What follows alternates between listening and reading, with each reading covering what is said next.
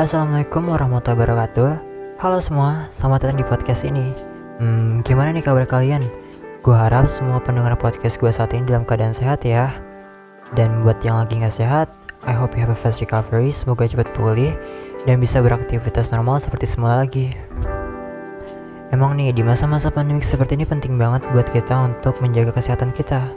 So, I suggest you to stay at home, konsumsi banyak vitamin, dan jangan lupa untuk olahraga yang cukup supaya kita bisa ningkatin daya tahan tubuh kita.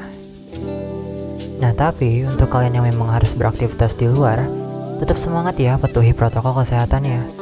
Semoga kita selalu dalam lindungan Tuhan Yang Maha Esa. Hmm, kalau gue sendiri sih dari kemarin di rumah doang nih. Ya, selain karena emang di daerah tempat gue tinggal lagi diadain PPKM, tapi emang biasanya gue nggak pernah keluar rumah sih. Maklum lah, namanya juga nganggur. Ya, walaupun begitu, gue tetap bersyukur sih karena sampai saat ini gue masih diberi kesehatan dan juga sama di rumah doang ini banyak skill-skill baru yang bisa gue pelajarin sendiri mulai dari nulis short story di Wattpad, writing song, dan yang paling baru ya bikin podcast. Dan yang lagi kalian dengerin sekarang ini adalah podcast pertama gue. Hmm, di sini gue bakal ngomongin dan juga sharing ke kalian semua tentang rencana-rencana yang udah gue buat untuk di masa yang akan datang. Yes, I'm gonna talk about my future plans. Tapi sebelum itu gue ingin memperkenalkan diri gue dulu nih.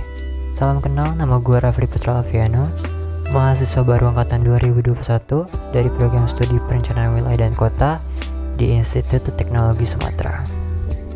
Hmm, let's go back to the main topic, future plans. Jujur nih ya, gue dulu selalu menghindar kalau ada orang yang lagi ngomongin tentang masa depan. Karena gue sendiri takut sama masa depan gue. Selalu muncul di benak gue pertanyaan-pertanyaan kayak, What exactly do I want to be when I grow up? What's gonna happen with me in the next 10 years? Will I ever going to make it? And those things somehow became a really sensitive topics for me. So dulu gue gak pernah terlalu mikirin tuh tentang masa depan. Jadinya ya gue cuma jalanin hidup gue seperti alir yang mengalir. Hmm, ikutin alur aja lah istilahnya. Dan gue dulu punya prinsip what's gonna happen, happen. Udah gitu aja. Tapi akhirnya gue sadar, gue gak bisa kayak gini terus. I realized that planning consciously for the future is one of the best way to stay grounded in the present. Makanya waktu itu gue selalu ngerasa ada yang kurang dalam hidup gue. Mungkin itu salah satu sebabnya. Gue dulu terlalu takut untuk keluar dari zona nyaman gue. I know a comfort zone is a really beautiful place, but nothing ever grows there. I need to change in order for me to grow up. Jadinya gue mutusin untuk keluar dari zona nyaman gue dan mulai merencanakan masa depan gue. Tapi, rencana-rencana itu gak bisa tersusun kalau gue masih belum punya tujuan. Dan jujur, mungkin di umur gue yang masih muda ini memang agak sulit untuk tahu apa tujuan hidup gue yang sebenarnya. Pemikiran gue masih labil, masih banyak distraction yang datang silih berganti di hidup gue. But then, the moment I see my family is the moment I realize that I just have one goal. I want to make them happy. Iya, itu. Itu tujuan gue. Gue mau mereka semua bahagia. Dan dari sini akhirnya gue bisa mulai nyusun rencana gue. Supaya gue bisa sukses dan ngebuat mereka bahagia dan bangga sama gue. Ada tiga rencana nih yang gue buat. Rencana jangka pendek, menengah, dan panjang.